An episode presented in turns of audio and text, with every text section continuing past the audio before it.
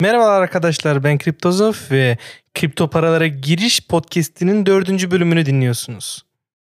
Bu podcast'te blok zincirlerle devletlerin arasındaki ilişkileri ele almaya çalışacağım. İlk olarak devletlerin bu konudaki tutumları yani ne dediklerini öğrenmeye çalışacağız, ele alacağız. İkinci olarak da blok zincirler için ve devletler için e, birinin birini kabul etmesinin e, ne tür iyi ve kötü yanları olduğunu ele almaya çalışacağız. Bugünkü kısacası cevap vermeye çalışacağımız soru çünkü her podcast'te bir soruyla başlamayı çok seviyorum. Devletlere rağmen mi blok zincir yoksa devlet eliyle mi blok zincir? Bugünkü sorumuz bu. Peki başlayalım. Devletler ne diyor? Blok zincirler hakkında devletlerin tutumu ne? İlk sorduğumuz soru buydu. Ee, Wikipedia'dan kesinlikle hepinizin e, yani bakmak isteyeceği bir karta eriştim ben. E, bu karttan bu podcast yapmadan önce benim de haberim yoktu da. Kısacası Bitcoin'un e, dünyadaki devletler tarafından e, nasıl karşılandığını, devletlerin Bitcoin'e karşı tutumunun ne olduğunu e, bir dünya haritasında gösteren bir e, harita var Wikipedia'da. Bunu buna bakmanız, bunu e, incelemeniz faydalı olabilecektir. E, YouTube'da e, buna bir link koyarım fakat po- şey e, Spotify ve Apple Podcast'te böyle bir şey yapmam mümkün olmayacaktır. E, bu haritaya bakın öncelikle. Hangi devletin Bitcoin hakkında ne tür bir politika yürüttüğünü yani sadece karşı olup engelleyip ya da e, hiçbir şekilde e, sınırlandırmadığını görüyor. Hani basit bir veri fakat e, kanunların ne olduğunu bir nevi devletlerin kısacası ne tür bir tutuma sahip olduğunu öğretiyor bu kart. E, bu karta bakmanızı tavsiye ederim. Bu haritaya bakmanızı tavsiye ederim. E, bu haritanın dışında e, benim kendi bildiğim e, birkaç örnek vereceğim devletlerle ilgili. E, Fransa mesela kripto paralardan vergi almaya başladı. Bu birkaç senelik e, bir şey. E, ve kripto paralar üzerinden yaptığınız tradingden e, normal herhangi bir tradingden yaptığınız kadar vergilendiriliyorsunuz. Kar söz konusu ise kardan sadece bir yüzde alınıyor. Kar söz konusu değilse hiçbir şekilde vergilendirme yapılmıyor. E, zarar söz konusu ise zararın e, herhangi bir şekilde telafi edilmesi mümkün değil. Bu tradinglerde olan bir şey. Vergilerinde e, indirim vesaire söz konusu Fransa'da fakat kripto para tradinginde böyle bir şey söz konusu değil şimdilik. E, bu da hatta Fransa'daki kripto para piyasasından kripto para e, kripto parayla ilgilenen kişiler tarafından eleştirilen bir nokta sürekli olarak. Başka bir ülke e, örnek vermem gerekirse Fransa'nın dışında e, Venezuela. Venezuela devletinin kripto paralarla çok işli dışlı olduğunu çoğumuz biliyoruzdur. E, Venezuela'nın çok büyük bir para politika sorunu para politikası sorunu oldu. Amerika ile işte araları kötü olduğunda Amerikan şirketlerinin petrol tekeline karşı gelmeye başladıklarında Amerika'nın kendi onların ülke para birimine yaptığı saldırılardan dolayı kendi merkez bankalarında sorumsuz işlemlerinden dolayı e, milli paraları çok değer kaybetti. Bundan bunda buna istinaden de e, ülkeyi e, biraz daha kalkındırmak için, ülkenin refahını biraz daha arttırmak için en azından e, ellerinde kalan kaynak petrolü iyi kullanabilmek için e, bir kripto para yaptı Venezuela. Haberiniz vardı, duymuşsunuzdur belki. Petro pet, e, kripto parasını kurdular. E, Petro kripto parası da Venezuela'nın e, petrol üzerinden yapacağı işlemleri öncelikle fakat genel anlamda, anlamda çoğu işlemi yapabileceği bir kripto para olarak ortaya çıktı. Bu devlet kripto parası tabii ki bu. E, blok zincirin mantığına hani hiçbir kontrol edicisi yok mantığına aykırı bir durum. Fakat seversiniz sevmezseniz sevmezsiniz bu size kalmış. Venezuela'da böyle bir durum söz konusu. E, Venezuela ile e, başka çok büyük bir e, bilinen veya bilmiyorsanız bilmeniz gereken bir nokta var kripto paralarla ilişkileri açısından. Türkiye ile Türk şirketleri ile İranlı şirketler ile yaptıkları e, çeşitli ithalatları Bitcoin ile yapıyor Venezuela. Bunu duymadıysanız kesinlikle bu konu hakkında araştırmalar yapmanızı tavsiye ederim. E, şu an Venezuela üzerinde e, bir ambargo söz konusu. Amerikan doları üzerinden e, hiçbir işlem yapmamaları söz konusu. E, kimse de hiçbir e, ticari ortakları dahil kendi ülkelerinin para birimini kabul etmeyeceği için kurda çok devletin aleyhine olacağı için Venezuela'da Venezuela devleti bu sorunu Bitcoin kullanarak çözmüş. hem de büyük miktarların, büyük para miktarlarının e, sınırları dışında kullanılmasına ve komisyon kesilmemesine iyi bir araç olduğu için Bitcoin ile yaptı bu işlemlerini Venezuela. Bu da devletlerin Bitcoin hakkındaki kullandığı örneklerden biri. Ee, duyduğum kadarıyla Kolombiya da aynı e, tutuma sahip olmak istiyor. Fakat kendi merkezi kripto parası ile bunu yapmak istiyor. Ee, bu, bu konu hakkında gelişmeler olduğunda bu podcastlerde yapmam pek mümkün olmayacaktır. Çünkü bunun ne zaman olacağını bilmiyorum. Fakat e, YouTube kanalımda ileride farklı içerikler çıkarmayı düşünüyorum haber tarzı.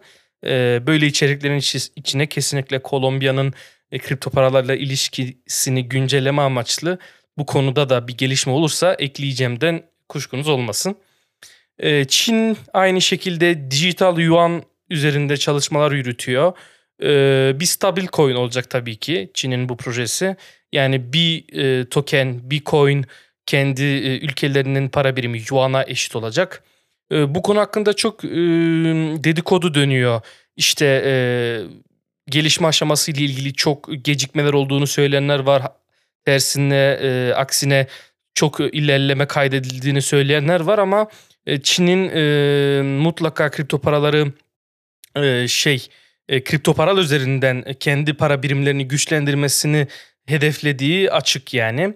Ee, Çin Çin hakkında başka bir şey demek gerekirse Çin eskiden ilk başlarda kripto paraları engellemeye çalışan bir ülkeydi. Yani mining'in madenciliğini engellemeye çalışan bir ülkeydi. Elektrik tüketiminin e, normalden fazla olduğu bölgelere işte denetleyici yolladı. İşte bazı e, madencilik e, çiftliklerini kapattırdı. Böyle politikalar yürüten Çin bugün kendi kripto kendi milli kripto parasını kurma peşinde ise devletlerin bu konuda da yavaş yavaş fikir değiştirdiğini söylemek çok yanlış olmayabilir.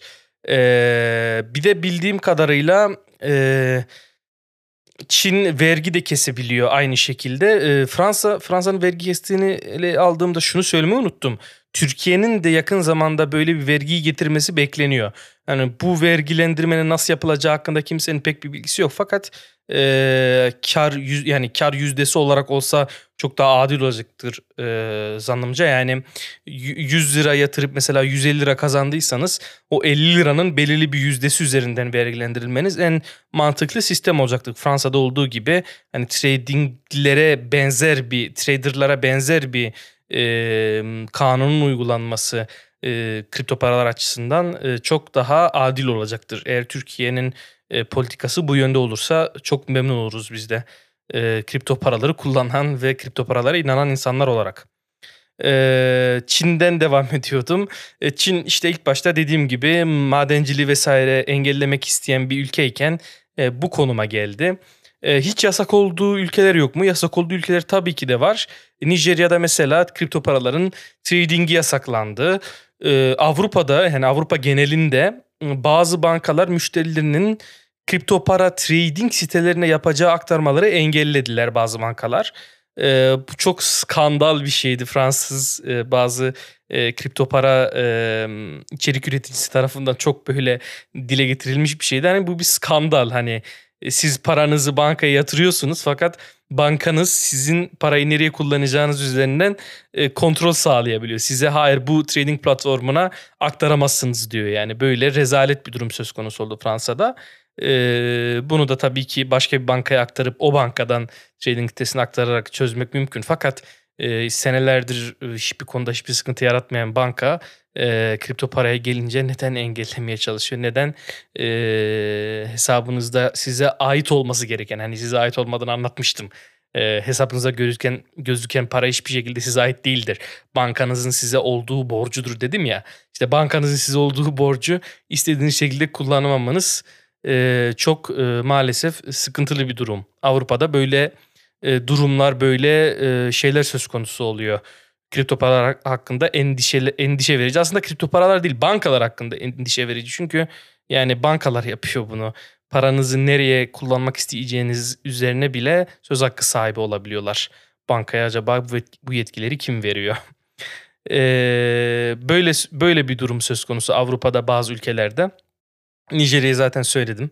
Tamamıyla yasaklandı yakın zamanda. Çünkü Ee, Nijerya Afrika'da en fazla Bitcoin işleminin, Bitcoin alım satımının olduğu. Hatta dünyada da birinci ve ikinci olmaları gerekiyor. Çok işlem yapılan ülkelerden biri. Yani zayıf ekonomi, zayıf para politikası olan ülkeler için e, bir tehdit aslında Bitcoin. Hani e, ne kadar e, bunu benimseyen ülkeler için iyi olsa da bunu da sonra göreceğiz tabii de e, kripto paralara karşı e, milli milli paraların erimesi çok muhtemel. O yüzden bu e, gelişmekte olan ülkelerde, para politikası sıkıntılı olan ülkelerde maalesef e, arttırıcı bir etken haline geliyor kripto paralar. Yani mevcutta bulunan enflasyonu, faizi vesaire daha da yükseklere taşıyabiliyor kripto paralar.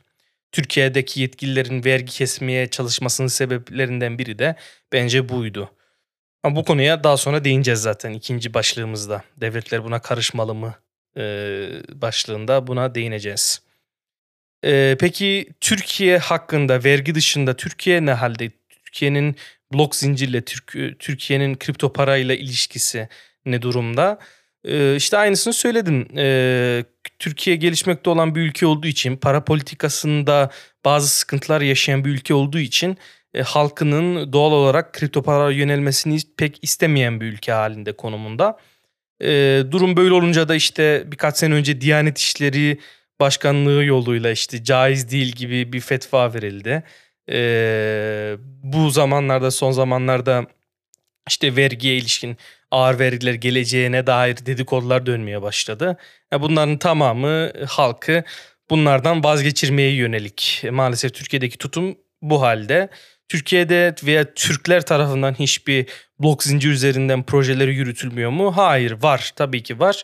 Çok e, iddialı, çok e, yenilikçi projeler söz konusu fakat e, bunların devlet eliyle yapıldığı bir proje yok. Yani şu an zaten Çin haricinde Venezuela haricinde hani birkaç ülke İran'da galiba yavaştan kendi e, kripto parasını üretmek istiyor. Bu birkaç devlet haricinde bunun projesini yapan blok zincirini blok zincir teknolojisini ülkesi için kullanmaya çalışan bunun üzerinden arge yapan çok fazla ülke yok. Türkiye'de maalesef hala bunları engelleme, bunların bunlara insanların yönelmesini engelleme çabaları var.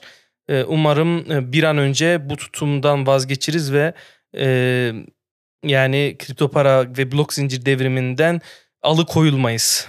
Biraz sonra göreceğimiz sebeplerden dolayı da devletlerin böyle bir şeyi benimsemesinin ne kadar önemli olduğunu vurgulayacağız. Türkiye'nin de özellikle böyle bir şeyi benimsemesinin faydalarını ele alacağız da kısacası şunu da diyebiliriz. Yani Türkiye için neden politika değişikliği gerekiyor? Kripto paralara ilişkin, kripto paraların neden Türkiye gibi bir ülke tarafından benimsenmesi gerekir?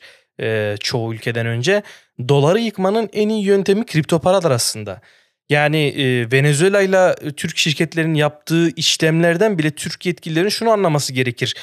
Dolara bir e, bir alternatif var. Küresel bir alternatif var ve bu alternatifin dolara kıyasen çok daha büyük bir potansiyeli var ve zaten hani e, politik ekonomik olarak bizim üstümüzde ülkemiz üstün, üstünde baskı kurabilen bir para birimini bir an önce bırakıp başka bir alternatifini kullanmak kesinlikle ve kesinlikle Türkiye'nin isteyeceği bir şey. Bu anlamda yani doları devre dışı bırakabilecek bir sistemi Türkiye gibi ülkelerin kesinlikle ve kesinlikle benimsemesi gerekir. İran bunu yapıyor, Venezuela bunu yapıyor. Hani bu e, finansal anlamda çok böyle e, olağan dışı sorumluluk gösterip halklarının refah seviyelerini arttırabilmiş ülkeler olmayabilir. Fakat e, uluslararası işlemlerinde dolar yerine Bitcoin'in kullanmasının e, Türkiye tarafından benimsenmesi o ülkelerin o ülkeleri döneceğimiz anlamına gelmiyor. Yani bu kesinlikle dolara dolar üzerinden operasyon yürütülen ülkelerin kullanması gerekeceği bir şey aslında. Bitcoin ve kripto paralar genel anlamda. Bu Bitcoin olmak zorunda değil. Devletler aralarında herkesin kullandığı bir kripto para çıkarıp bunu sadece devletlerin arasında kullanılmasını sağlayabilirler. Fakat Bitcoin mevcutta olan bir kripto para olduğu için değeri yüksek olduğundan çok yüksek miktarda para aktarmak için çok fazla masraf ödemeyen sağlay ödememeyi sağlayan bir para olduğu için bir kripto para olduğu için ve güvenli olduğu için güvenilirliğinde bir sıkıntı olmadığı için kesinlikle devletlerin uluslararası ödemelerde kullanmak isteyeceği bir para birimidir. Yani bunun alternatifini, bunun farklı bir şeklini, aynı teknolojiye dayanan farklı bir halini devletler yapabilir yani. Bu Bitcoin olmak zorunda değil ama Bitcoin mevcutta olan bir kripto para ve bunu zaten sağlıyor. Ee, o yüzden bu sebeple doları yıkmak istiyorsak eğer doların ülkemizdeki etkisini azaltmak istiyorsak ilk önce doları küresel hal küresel e, dünyada e, doların alternatifini üretmek gerekir. Yani Türkiye'nin tek başına dolardan vazgeçmesi yetmez. Bütün dünya ülkelerinin dolar dolara mecbur olmaması gerekir. Uluslararası işlemler, uluslararası ödemeler açısından. Bunun da en iyi, en e, kabul görebilecek, en muhtemel e, olabilir şekli de bence Bitcoin'den geçiyor veya başka devletlerin kurabileceği, dolar yerine kurabileceği ortak bir kripto paradan, blok zincirden geçiyor. Bitcoin bu rolü üstlenebilecek bir kripto para. Bu e, zaten hani biraz daha girişti. Biraz daha böyle e, fikirlerimi belirteceğim. Durumu biraz daha özetleyeceğim bir kısımdı. E, asıl bu podcast'in önemli kısmı ve daha fazla bilgilerin aktarılacağı kısım şimdi e, devletler kripto paralara karışırsa, devletler blok zincirleri benimserlerse acaba ne olur?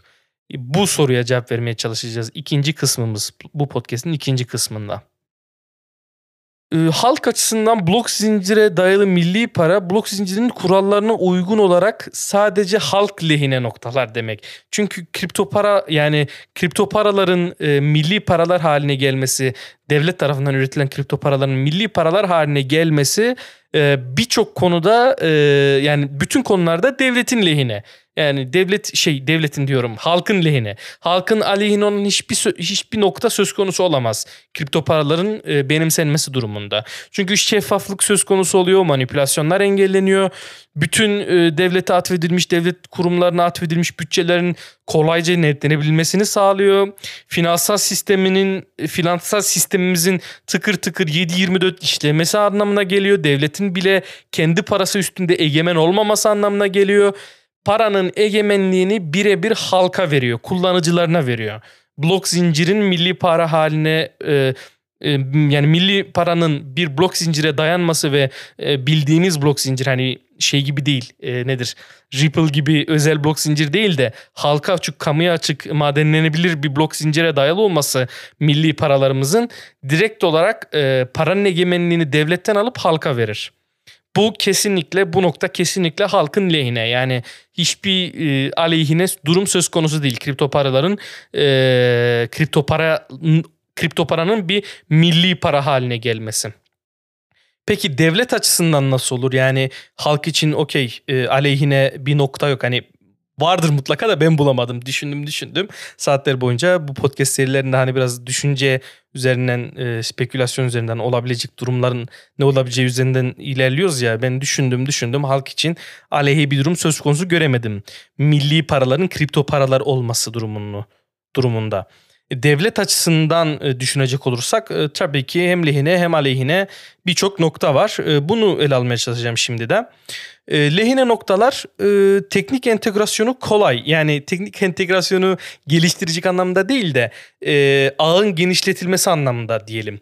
Yani bankacılıkta, bankacılık sistemimizde, finansal sistemimizde her ölçüye göre ayrı altyapı kullanıyor. Ayrı altyapı aslında çok doğru kelime değil. Tek merkezi bir altyapı kullanıyor. Fakat e, ölçüt farkına göre, ölçek farkına göre farklı sistemler kullanılıyor. Yani siz aynı bankadaki, aynı şubedeki iki ayrı hesaba para göndereceğiniz zaman aynı bankadaki aynı şu şey aynı bankadaki ayrı şubelere gönderdiğinizle aynı olmuyor teknik teknik entegrasyonları veya aynı bank şey ayrı bankalardaki yapılan aktarmalara da aynı olmuyor. Ayrı şehirde olan bankalar arasında yapılan aktarmalar da aynı olmuyor. Ayrı ülkeler, devletler arasında yapılan aktarmalar da aynı olmuyor. Hepsinin birer altyapısı oluyor. İşte e, Avrupa bölgesinde mesela euro aktarımını sağlayan bir bank ya bank bank altyapısı var SEPA.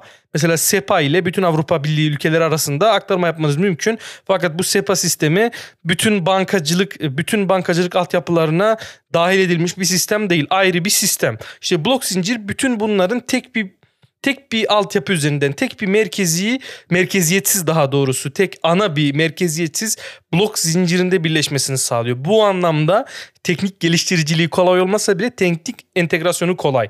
Yani yeni bir e, şube açılacağı zaman, ağın genişletilmesi gerekeceği zaman hani ayrı bir sistem, ayrı bir altyapı, ayrı bir ölçeğe uygun bir e, geliştiricilik söz konusu olmaz. Hepsi aynı blok zincirinden yürütüleceği için entegrasyon kolay olur.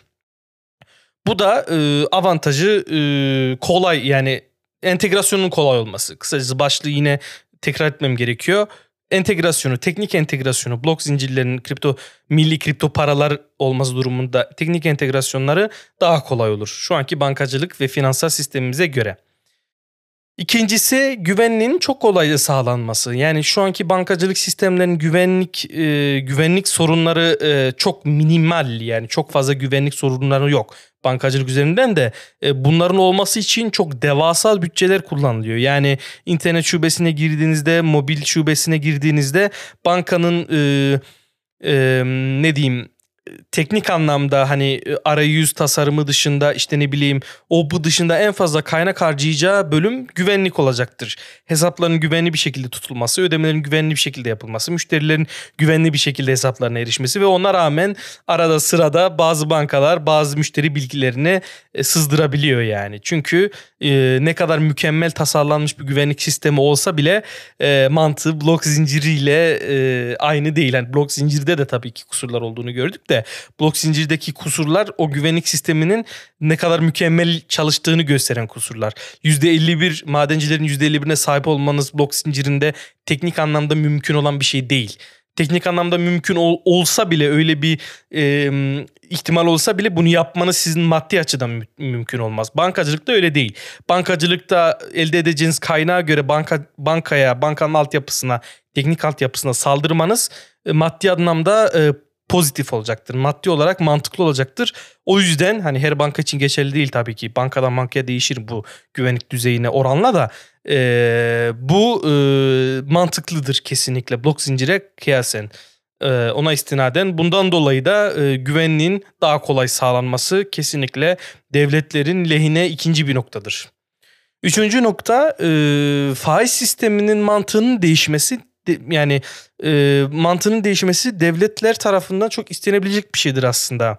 Şöyle anlatayım. E, şu an e, biliyorsunuzdur blok zincirleri üzerinden çok böyle gelişmekte olup daha böyle tam anlamıyla kendini tamamlamış bir e, madencilik sistemi gelişiyor. POS sistemi, Proof of Stake yani e, artık madenci gücünüze göre değil, matematiksel işlem gücünüze göre değil, elde tuttuğunuz e, kripto para e, şeyine e, na, nasıl diyeyim e, kripto para riskine göre e, madencilik yapabileceksiniz. Yani mesela 32 Ethereum bulundurmanız gerekiyor bir tane e, masternode kurabilmek için, stake, staking yapabilmek için.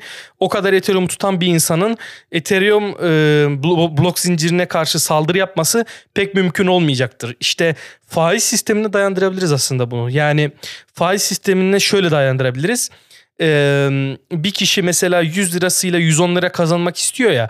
O 100, 100 lirasıyla 110 lira kazanması için bir sene boyunca o parasının blok zincirinin işletilmesinde kullanmasına izin vermesi gerekir. Ve şöyle bir avantaj olur bunun devletler e, faize faizi şöyle işletiyor ya Merkez Bankası e, tutulmuş olan belli bir paraya karşın e, direkt olarak para veriyor ya faiz bu şekilde işlememiş olur. Faiz e, direkt olarak blok zincirinin e, ortaya çıkardığı birimler karşılığında alınmış olur e, stacking'de ve e, enflasyon üretilmesi faizden dolayı enflasyon e, ortaya çıkması çok daha gecikir. Yani şu an mesela faiz ödemeleri yapıldığında bankanızda bulundurduğunuz paranın karşılığında senelik yıllık para, para karşılığında faiz ödendiğinde bunun enflasyon etkisi çok daha direkt olur doğrudan olur. E, blok zincirle yapılmış olsaydı bunu stacking gibi bir sistem kullanmış olsaydı Ethereum'da getirilmek istenen staking gibi bir sistem kullanmış olsaydı e, enflasyon etkisi faizin enflasyon etkisi çok daha gecikirdi. Daha geç gelirdi. Çünkü e, bu parayı e, çekmeniz e, ani olmuyor. Yani e, bu parayı eğer kilitlediyseniz o blok zincirinde direkt bir gün sonrasından faiziyle beraber çekmeniz mümkün olmuyor blok zincirinde. Ya kardan olmanız gerekiyor ya da e, parayı çekmemeniz gerekiyor. Bir süre daha tutmanız gerekiyor. Ha, bunun kuralları tabii ki esnek. Bazı blok zincirlerde değişebiliyor e, vesaire. Fakat e, ülke milli para birimi yapacağımız durumda böyle bir projeye atılacağımız durumunda blok zincire bunu dayandırıp e, devletin artık şunu demesi mümkün olacaktır. Arkadaş ben senin faizini verebilirim fakat şu kadar beklemen gerekiyor. Şu an bu parayı veremem. Ya faizden karından olacaksın ya da ana paranı e, biraz daha bekletmek zorundasın diyebilecek ve bunun bir e, şeyi olacak. Haklı bir sebebi olacak devletin bunu demesinde. Bu da direkt olarak enflasyonun e, faiz tarafından hızlıca doğrudan yaratılmasının biraz önüne geçmiş olur. Manipüle edilebilen bir para olmaz. E, dördüncü noktamız. Devletlerin lehine olan dördüncü, noktam, dördüncü noktamız. Manipüle edilebilen bir para birimi olmaması şu anlamda geliyor. E, yani mesela Türk lirasında e, düşüşün öngörüldüğü durumlarda, e, zamanlarda daha doğrusu Brunson'un işte salına, salınmaması falan olduğu zamanlarda e, İngiltere'de Türk lirasını satın alıp İngiliz İngiliz traderlar Türk lirasını shortladı blok zincire dayalı olan bir parada e, böyle kontrolsüz e, nakit akışları pek mümkün olmayacaktır. Yani İngiliz'in o kadar yüklü bir miktarda Türk lirasını Türk blok zincirinden çıkarıp e, kendi borsasında tradelemesi pek mümkün olmayacaktır yani. O anlamda manipüle edilebilen bir para birimi e, olmaktan çıkar. Blok zincire dayalı bir milli para. Ve nakit diye bir şey söz konusu olmaz. Nakit para ortadan kalkar bundan dolayı da manipüle edilebilen bir para olmaz. Yani ortada hiçbir nakit kalmaz. Norveç'te, Finlandiya'da, İsveç'te mesela nakit para yok. O ülkelerin para birimlerinin ne kadar güçlü olduğunu da kendiniz bakabilirsiniz. Nakit para olmaması e, zaten suçlarda vesaire kullanılamaması anlamına geliyor. Bu bir. İkinci de manipüle edilebilen bir para olmada, olmaktan çıkarıyor paraları. Çünkü her şey sistemde açık ve e, böyle bir böyle bir işlemin engellenmesi için Türkiye e, o zamanlarda da çok eleştirilen bir e, işlem yaptı. E, bankalara İngiliz borsalarında Türk lira satmalarını engelledi. Bankalar zararına bu işlemleri engelledi. Böylece shortlamaların o zamanlardaki traderların shortlamasını engelledi Türkiye. Blok zincirinde direkt olarak kendi engelleyebilir devlet. Böyle bir durum olduğunda e, herkesin gözün gözünün önüne çarpıla, çarpabilecek bir şey söz konusu olur ve böyle bir nakit akışı yapılması mümkün olmaz. Bu dördüncü özellikti. Beşinci özellik e, hani e, bu nasıl mümkün blok zinciri hiç değiştirilmiyor diye soruyorsanız e, Fordlar, Fordlar devletlerin lehine olacak bir şey. Çünkü e, haksız olarak elde edilmiş olan, haksız olarak yapılmış olan bütün işlemlerin Fordlar sayesinde düzeltilmesi sağlanabilir. Blok zinciri bunu sağlar. Yani ee, şöyle diyeyim mesela şu an bankacılık sistemimizde mevcut bankacılık sistemimizde e, yanlış e, hesaba yatırılmış olan EFT parasını aynı gün gidip kişi çekip e, harcarsa ve hani ortadan kalk kalsa o adamın yapmış olacağı işlemleri vesaire siz bulamazsınız. Ta, adamı takip edip adama varamazsanız parayı da alamazsınız. Blok zincirde böyle bir şey söz konusu olmaz. Blok zincirinde forklar olduğu için o adamın nereye yolladıysa yollasın, nereden geçirdiyse geçirsin bütün harcadığı para birimleri toplanır ve o işlemlerin hepsi iptal olur, ana sahibine geri verilir. Bu bütün haksız elde edilmiş kazançların önüne geçilmesini sağlar. Bunu e, mesela şöyle düşünebiliriz. Her 6 ayda bir zorunlu bir fork olduğunu düşünelim. Hmm, bir milli para, milli e, para biriminin bir kripto paranın milli para birimi olduğu durumda her 6 ayda bir fork oluyor ve o forkta bütün mahkeme kararlarıyla verilmiş icra kararlarının blok zincire işlenmesine veya işte bilinmiş dolandırıcıların elde ettiği paraların geri sahiplerine verilmesini bütün bu bütün bu işlemlerin 6 ayda bir blok zincire düzeltildiğini düşünün. İşte blok zinciri bunu sağlıyor.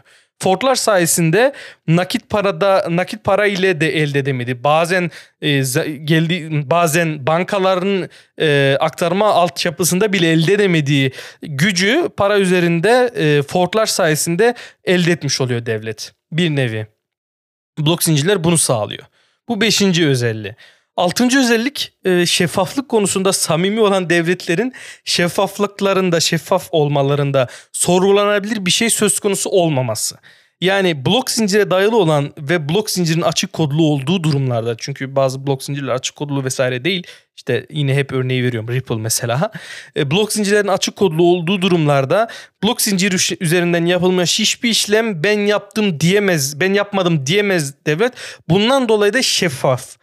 Bu şeffaflık konusunda samimi olan bütün devletlerin lehinedir.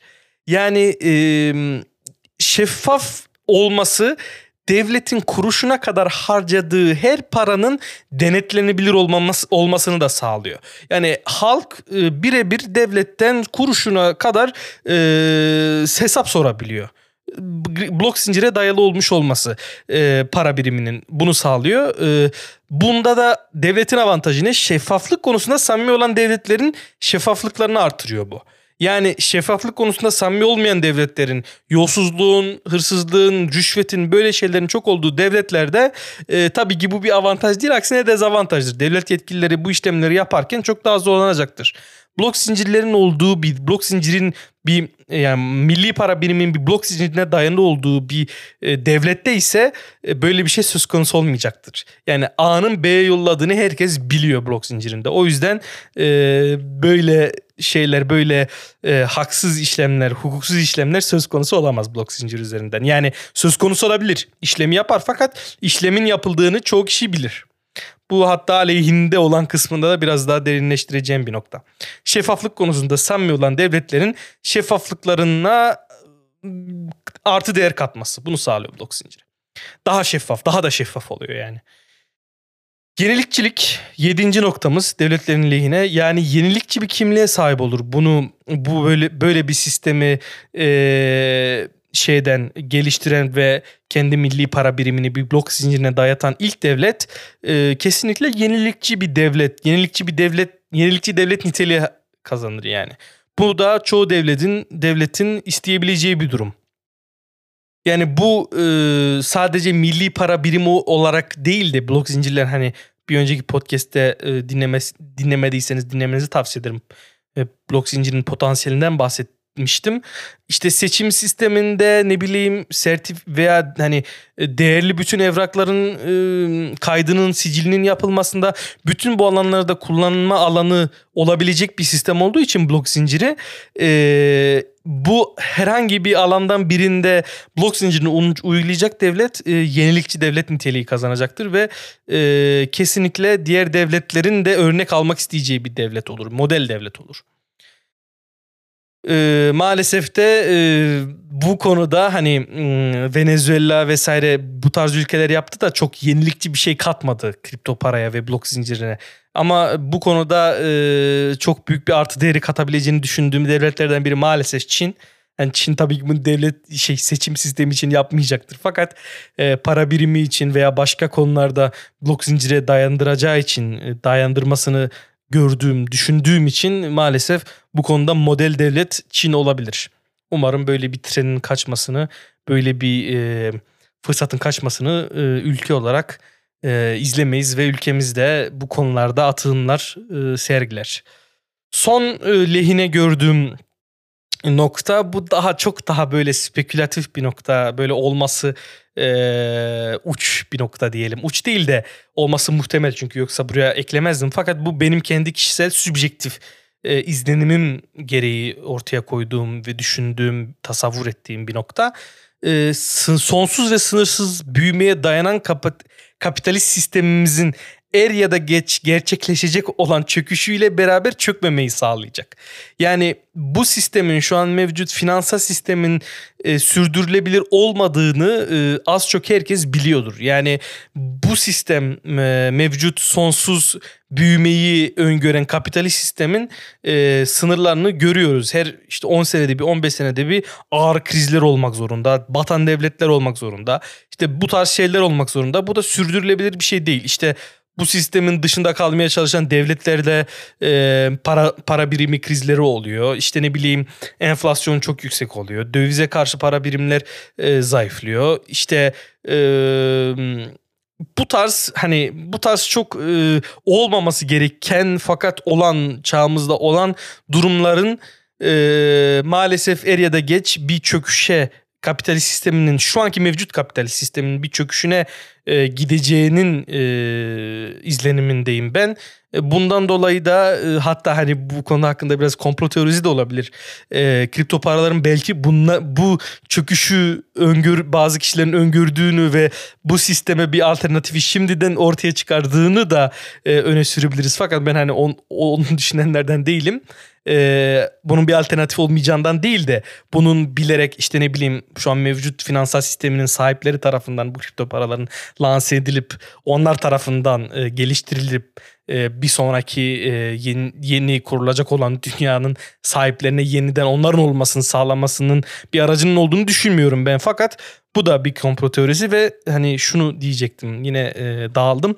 E, bu çöküşü bu çöküş gerçekleşirken devletin bu çöküşün altında kalmamasını sağlayabilir kripto paralar. Mevcut kapitalist sistemin e, bırakıl bırakılmaya başlanacağı bir e, denklemde e, herkes e, ölüş ve yeniden diriliş yaşarken siz sadece bir devrim yaparsınız. Blok zincirleri blok zincire dayalı bir milli parayı önceden herkesten önce benimseyerek bu çöküşün cesedinin altında kalmamış olursunuz. Bu da e, 8. nokta devletlerin lehine olan ve e, kesinlikle devletlerin neden bunu benimsemek isteyeceğine dair bir argüman olan 8. nokta. Şimdi göreceğimiz noktalar da e, devletlerin lehlerine değil de aleyhlerine olan fakat e, genellikle lehlerine ayna şekilde uygulanıyor bu ilkeler. Yani mesela kontrol edilebilirlik nasıl bir kontrol pardon edilemezlik, kontrol edilememesi, manipüle edilememesi nasıl devletlerin lehine bir durumsa aynı şekilde devletlerin direkt olarak bunun üzerinden kontrol sağlayamaması da devletin aleyhine. Biraz bu kısımda ilk başta ilk e, kısımda e, bahsettiğim e, devletlerin lehine olan noktaların e, ikinci keskin kısmı diyelim. Hani kılıcın iki keskin taraf olduğu durumda birincisi iyi ise ikincisi o aldığınız e, mükafatın e, kötü karşılığı vermek zorunda olduğunuz, ödemek zorunda kaldığınız bedeli diyelim. Bu noktalarda da e, kontrol edilememesi e, devletin istediği gibi istediği şekilde sınırsız şekilde para basamamasını sağlıyor maalesef. E, yani basamaması değil tek başına. Çünkü blok zincirlerinin milli para yani milli paraların blok zincire dayanması gerektiği durumlarda e, o yani öyle bir olguda tabii ki devlet yine e, para basma etkisini madencilere vermeyecektir. Bunun üzerinde kontrol sağlamak isteyecektir. Hani biraz Ripple'a benzeyen bir özelliği olacaktır. Özel bir kripto para, özel bir blok zincir olan Ripple gibi. Fakat e, bunu yaparken, bunu yaptığında e, vatandaşların tepkisini çok daha net şekilde toplayacaktır. Yani e, şu an hangimiz biliyoruz e, 2019'da e, gerçekten Türkiye'de, Türkiye Cumhuriyeti'nde, Türkiye Cumhuriyet Merkez Bankası'nın tam olarak bastığı küpür miktarını hangimiz biliyoruz? Bu paranın e, enflasyona sadece yansımasını yaşıyoruz. Bu paranın basılma kısmında, bu paranın piyasaya sürülme kısmında hiçbirimiz haberdar değiliz. İşte blok zinciri e, bun, bu konuda da vatandaşların çok daha bilinçli olmaması, olmasını ve hiçbir gizli işlemin bu anlamda para politikası anlamında gizli işlemin yapılmamasını sağlıyor. Bu da devletin aleyhine olabilecek bir durum. İkincisi şeffaflık e, lehine olan e, noktalardan biri şeffaflık. Ara sıra bütün devletlerin e, kendi kanunları çiğneyerek yaptığı finansal işlemlerin olmamasını sağlıyor. Böyle bir şeffaflık. Yani bunu her devlet istemeyecektir. Her devlet değil hiçbir devlet istemeyecektir. E, Amerika'nın bile işte Suriye'de düzenlenen operasyonlarını e, özel bir şirket e, ile yönetmesi bunlara özel ödeneklerin tanındığını gösteriyor. Bu özel ödenekler hakkında hangi Amerikan vatandaşın bilgisi var? Yani fa, yani herkes kabul edebilir ki yok. İşte böyle işlemlerin, böyle e, ödemelerin, böyle e, şeylerin yapılmamasını, yapılamamasını engelliyor. Bu da devletlerin aleyhine olabilecek noktalardan biri. ikincisi daha doğrusu. Üçüncü e, tekeli kaybediyor. Devlet para üzerindeki kontrol tekelini kaybediyor. Bu çoğu devlette zaten öyle aslında yani devleti hükümet ve e, diğer organlar olarak ayırırsak hükümetin para politikası hakkında tekel olduğu e, tekele sahip olduğu devletler çok sınırlı. Çok yok öyle ülkeler. Yani örnek vermek gerekirse Yine o çoğu zaman kullandığım Amerikan Fed Bankası önlüğünü kullanabiliriz. Tamamıyla özel bir banka Fed Bankası. Federal e, kısmındaki Fed'in e, isminde olmasına sakın aldanmayın. Tamamıyla özel. E, devletin e, kesinlikle e, pay pay çoğunluğuna sahip olduğu bir banka değil. E, Rothschild'ler, Rockefeller'lar tarafından e, en fazla payların onlara ait olduğu bir banka. O yüzden devlet basımındaki, devlet politikasındaki, devlet para birimi politikasındaki etkileri doğrudan değil. Hani dolaylı yolla yapabiliyorlar bunu fakat doğrudan değil. Tam anlamıyla kontrol yoktur. Bu ülkelerde, bu gibi ülkelerde e, gerçekten devletin e, yani hükümetin e, para politikası hakkında tekelinin olmadığı ve son söz hakkına sahip olmadığı ülkelerde e, blok zinciri aslında iyi bir noktaya e, yani iyi bir şey sağlıyor. Çünkü blok zinciri blok e, zincirine dayalı bir milli para birimi ne yapıyor demiştik. Egemenliği alıyor, halka veriyor, kullanıcılarına veriyor. Böyle olması bu ülkelerde tekeli kaybetmiş olan e, özel sektöre kaptırmış olan ülkelerde, devletlerde bu egemenliğin halka verilmesinden dolayı hani devlet açısından, hükümet açısından halkın sahip olması kesinlikle daha iyi olacaktır. Özel aktörlerle konuşması gerekmesine göre halkla e, birebir konuşması gerekmesi devletin lehine olacaktır. Tabii ki özel aktörler devletin içine sızıp e, devletin başına kendi adamlarını yerleştirmedilerse bir banka çalışanı vesaire devletin başında değilse e, normalde devlet özel bir aktörle e, masaya oturmayı e, halk ile bir, bizzat masaya oturmaktan e, tercih etmeli. Yani ma, halkı tercih etmeli. E, bu e, bu dediğim gibi tekelinin olmadığı para politikası hakkında çok kontrol olmayan devletler açısından e, aleyhine değil lehine fakat devletin tamamıyla tekeli söz konusu olan ekonomilerde para politikası anlamında mesela e, tam anlamda tekel değil de mesela Türkiye'de doğrudan değil dolaylı tekel var. Yani e, normalde e, şeyde e, kanunda hukukta e, Türkiye Cumhuriyeti e, Türkiye Cumhuriyet Merkez Bankası bir anonim şirket. Devletin herhangi bir e, şirkete ortak olabileceği bir gibi bir şirket türü. Ee, yani sadece normalde payların pay sahiplerinin e, hak sahibi, söz sahibi olabileceği bir e, şirket türü Merkez Bankası. Türkiye'de hazinenin paylarının çoğuna sahip olmasından dolayı yine dolaylı olarak da hani bir paydaş olarak da devletin e, Merkez Bankası'nın politikalarını az çok yönetebilmesi söz konusu. Burada devletin e, dolaylı tekeli var aslında para politikasında Türkiye'de. Başka ülkelere kıyasen Fed Bankası'na, Avrupa Birliği'nin Merkez Bankası'na kıyasen Türkiye'de para politikası hakkında, para politikası bağlamında e, hükümetin devlet diyorum çoğu zaman ama hükümet demek gerekiyor. Hükümetin para politikası üzerinden etkisi e, çok daha fazla. Bu ülkelerde, bu devletlerde, böyle hükümetlerde e, blok zinciri, milli para biriminin blok zincirine dayalı olmasının durumu devlet aleyhine, daha doğrusu hükümet aleyhine bir sonuç elde ortaya çıkarıyor. E, devletin tekelini, devletin egemenliğini alıp halka veriyor, kullanıcılarına veriyor. Hani para politikası anlamda tekeli kaybetmiş ülkeler için nasıl iyi bir noktaysa Amerika için, Amerikan halkı için iyi bir nokta ise ne kadar e, para politikası hakkında tekele hala sahip olan ülkeler için de e, aleyhe bir nokta. Türkiye'de bu gruba girdiği için bu kısmı aleyhe olan noktalarda e, saydım. Ee, dördüncü nokta aleyhine olan nokta aslında bu da dediğim gibi lehe olan noktalarda sayılması gereken noktalardan biri. Yolsuzluk, rüşvet, fidye verme, kara para aklama, ambargo delme yani aklınıza gelebilecek bütün hukuka tam anlamıyla uygun olmayan işlemlerin tamamında bütün işlemler çok zorlaşır. Yani bu işlemleri yapmak isterseniz bu işlemler için yabancı para birimi kullanmanız gerekiyor.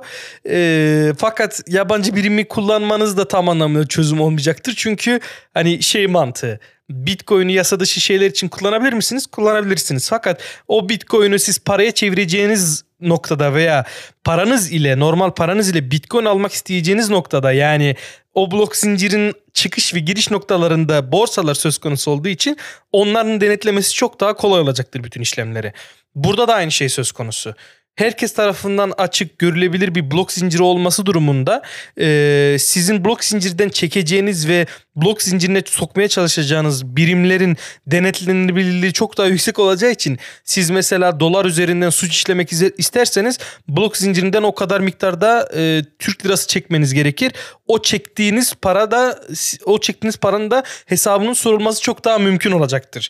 Eğer e, bu konuda hassas vatandaşlar olursa bu konuda böyle konularda hassas vatandaşlar olursa sizin o e, hukuk dışı e, işleminiz için ödeme bulmanız böyle bir blok zinciri benimsemiş ülkede mümkün olmayacaktır. E, bu dördüncü noktaydı. E, son noktada maalesef devletin aleyhlerine olan sadece devletlerin aleyhlerine değil aslında blok zincirin zayıflıklarından biri. Bir önceki bölümde bahsetmediğim çünkü burada çok daha mantıklı bulduğum bir nokta e, daha tam anlamlarıyla, tam sonuçlarıyla kavrayabildiğimiz teknolojiler değil maalesef blok zincirleri. E, bundan dolayı da geliştiricileri de az e, ve e, devletin bütün işlemlerini veya devletin işle, bazı işlemlerini blok zincir üzerinden yürütebilir olması, yürütü, yürütmeye çalışması şu an teknik anlamda e, çok fazla arge geliştiriyor. Arge gerektiriyor. Bunu yarın yapamaz. Bugün bugün hiçbir ülke yarın karar verip işte bir ay içinde bütün her şeyi blok zincir üzerinden yapıyoruz diyemez hiçbir ülke. Bunun için çok e, geliştirici lazım, arge lazım, kaynak lazım, zaman lazım. E, bu da maalesef blok zincirin bir zayıflık zayıflığı. Devletler için de blok zincirleri kullanabil kullanabilmeleri açısından e, negatif bir nokta, aleyhlerine bir nokta.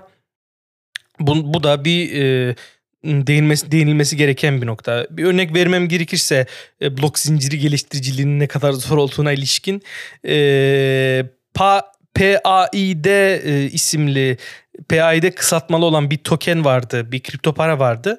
E, bu kripto para DeFi üzerinden işlem yapılmasını sağlıyordu. E, işte swap için vesaire kullanılan bir kripto paraydı. Bu kripto parayı bir e, korsan bir, bir açık buldu. Açık e, açık kaynaklı e, blok zincirleri ya bütün DeFi e, blok zincirleri. Bir açık bulmuş blok zincirinde ve 60 milyon e, şeylere ait olan e, geliştiricilerine ait olan 60 milyon birimi ele, ele geçirmiş e, ve isteseydi o bütün o kripto paraları satar hani bunu nakde çevirebilirdi onu yapmak yerine o korsan o 60 milyon tokeni ele geçirmesine rağmen geri geliştiricilerin walletine göndermiş ve gönderdiğinin e, aktarmas aktarmasının blok zincire yazıldığı yere de bir yorum bırakmış. Next time take care of your shit. Yani e, bir sonraki sefere e, şeyinle iyi ilgilenin. İyi, yani şeyinizle iyi ilgilenin. E, dışkınızla. Yani e, düzgünce yapın işinizi anlamına geliyor dedi. E, bu da e, çalışır olmasına rağmen hani o kripto paranın e, bütün potansiyellerine rağmen kripto para geliştiriciliğinde olan sınırların bir örneği. İkinci bir örneği ikinci bir örnek vermek gerekirse Ethereum'da da aynı şey söz konusu. Ethereum'da e, ben 2017 e, dalgasında gelmiş bir e, kripto para meraklısıyım. 2017 dalgasında gelmiş bir kripto para meraklısı olarak o zamanlardan itibaren ben duyuyordum post sistemini, proof of stake sistemini.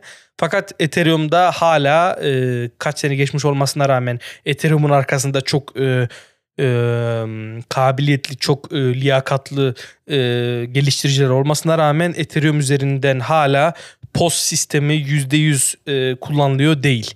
Bu da e, Ethereum Ethereum'la olan bir Ethereum'la ilgili olan bir sıkıntı ya e, olgu değil, kanıt değil. Aksine blok zincirlerin e, ne kadar zor geliştirildiğine bir örnek bence. Bu son örnekte. Yani bunun bunun argesini yapmak kısacası bu noktanın şeyi şuydu hani anlatmak istediğim nokta şuydu.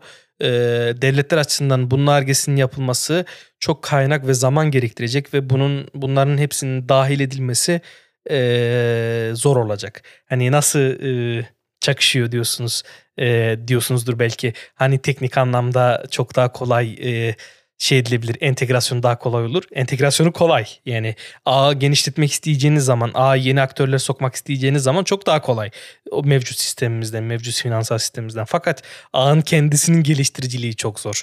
Bu da maalesef e, blok zincirlerinin ve devletlerin arasındaki e, kötü noktalardan birisi. Çok ilginç. Her bölümde artık işte bu bölüm çok kısa olacak. Bu bölümde neler anlatacağım diye sıkıntı yaşıyorum. Fakat bütün bölümlerde işte notlarımla podcast'i kaydetmeye başlayıp 50 dakika 60 dakika sürdüğünü daha sonra kesmem gerektiğini görüyorum. Umarım hep böyle devam eder. Fikir fışkırır beynimden. Bu podcast maalesef sonuna değdi yine. Yeterince uzun sürdüğünü, yeterince konuya değindiğimi, konunun çeşitli özelliklerinden bahsettiğimi düşünüyorum. E, bir sonraki podcast'in e, ne ile ilgili olacağına gelirsek e, bir sonraki podcast'te Bitcoin ve daha genel anlamda kripto paralarda madenciliği ele alacağım. Bu bölümü beğendiyseniz, e, bu bölümden hoşlandıysanız lütfen bu bölümü paylaşın. YouTube üzerinden izliyorsanız e, podcast'i lütfen bir yorum bırakın, beğeni yapın. Bu podcast serisinin devamının gelmesi için en büyük gereksinimlerden biri şu an etkileşim. Yeterince kişiye ulaşmadığımı ve bu konuları bu konulara karşı ilgi duyabilecek yeterince kişiye ulaşmadığımızı düşünüyorum. O yüzden bu konuda sizden yardım talep ediyorum. Bu talebimi geri çevirmezseniz çok sevinirim. Bir sonraki bölümde görüşmek üzere arkadaşlar. Ben Kriptozof'tu. Kendinize iyi bakın.